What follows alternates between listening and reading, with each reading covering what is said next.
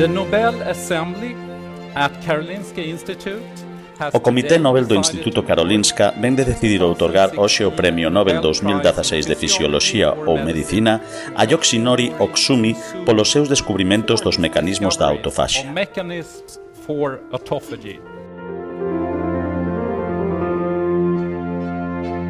E isto que vimos escoitar e o anuncio este luns do Premio Nobel de Medicina ou Fisioloxía, que recaeu en Yoshinori Osomi polo desenvolvemento das súas investigacións na autofaxia. E para saber que isto da autofaxia, temos ao outro lado do teléfono Ana María Cuervo, Moi boas tardes, Ana María. Eh, buenas tardes, que tal? Moi ben, Ana María Cuervo é investigadora do Albert Einstein School of Medicine en Nova York ela é especialista precisamente en autofaxia e además seca que coñeces personalmente a Yoshimori Osumi. Sí, además de hecho estuve con él hace dos semanas, que ya anticipábamos que algo grande iba a pasar. O sea que había emoción, había un ambiente que podía ser posible que desta vez eh, lle desen o Nobel. Sí, llevamos ya bastantes años esperando porque es alguien que se lo merece, es un tema que se ha convertido en muy importante y era como aquello que dice casi cuestión de tiempo que pasase. E así pasou, en este ano 2016 o Premio Nobel para, para autofasia.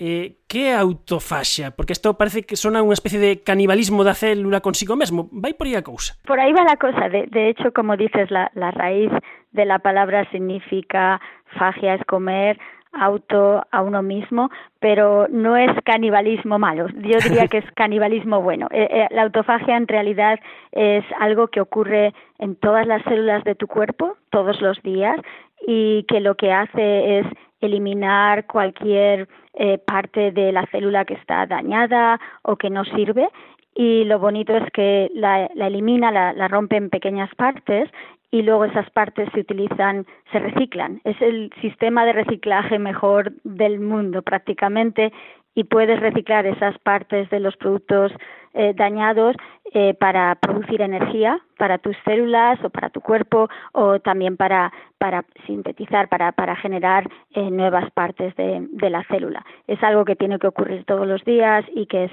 como un sistema de limpieza acoplado a un sistema de reciclaje.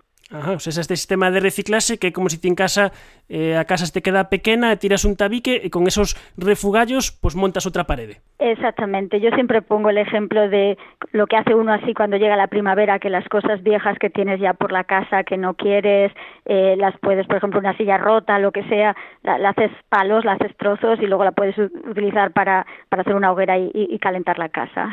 E isto da autofaxia, eh, segunda nota do Comité Nobel, xa se coñecía, empezaba a coñecer nos anos 60, pero non foi hasta que chegou Osumi que realmente diseñou experimentos para que se pudese ver en acción.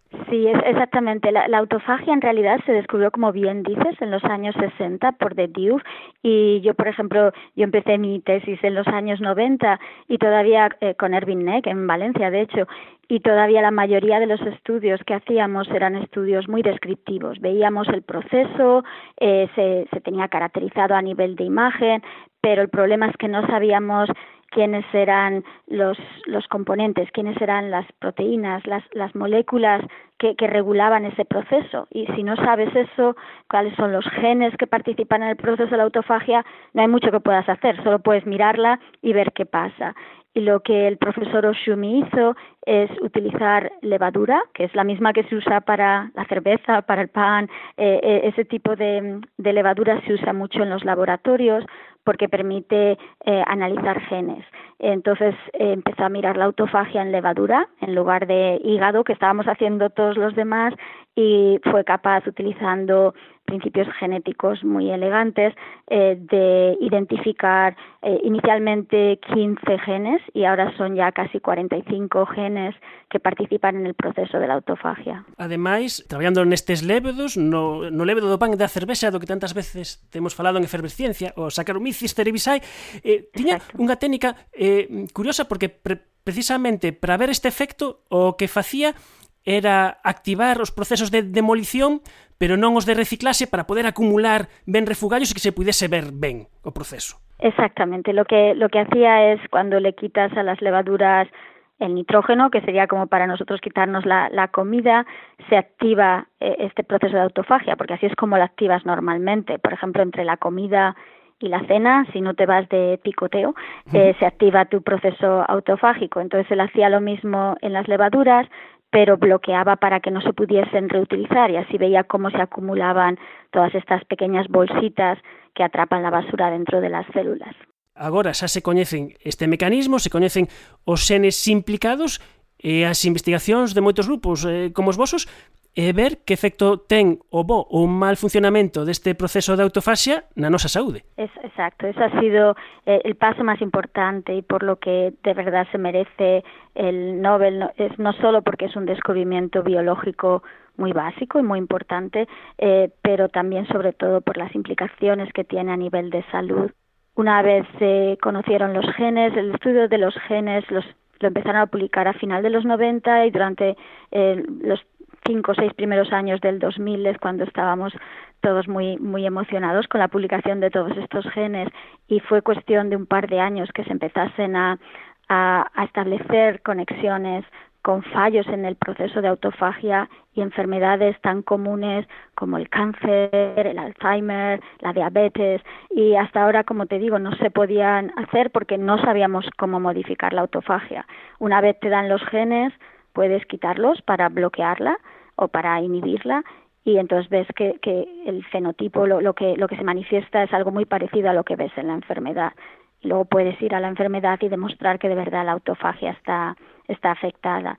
Entonces, la, las implicaciones de todo esto, además de, de, conocer cuál es la causa o cuáles son mecanismos que, que agravan el proceso de la enfermedad, lo importante es que sabiendo la causa puede uno empezar a pensar cómo repararla, cómo, cómo prevenirla o cómo modificarla.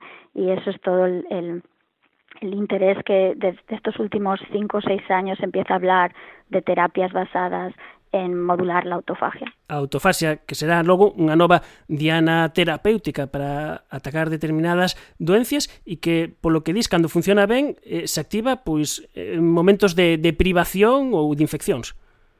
Eh, se, se activa en realidad, eh, de, non necesitas estar ayunando durante Ajá. muchos días. Como te digo, con, con seis horas ya activas el proceso autofágico.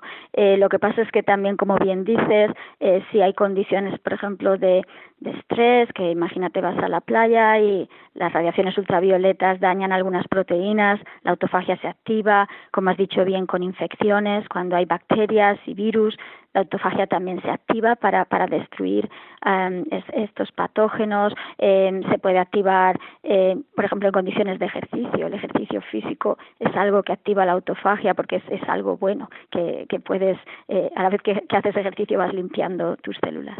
Ana María Cuervo, investigadora no Albert Einstein School of Medicine de Nova York, Moitas grazas por atender a chamada efervesciencia, por explicarnos este Premio Nobel de Medicina ou Fisioloxía 2016 a Yoshinori Oshumi e tamén eh, eh, parabéns por estar implicada nesta liña de investigación. bueno, pues muchas gracias a vosotros.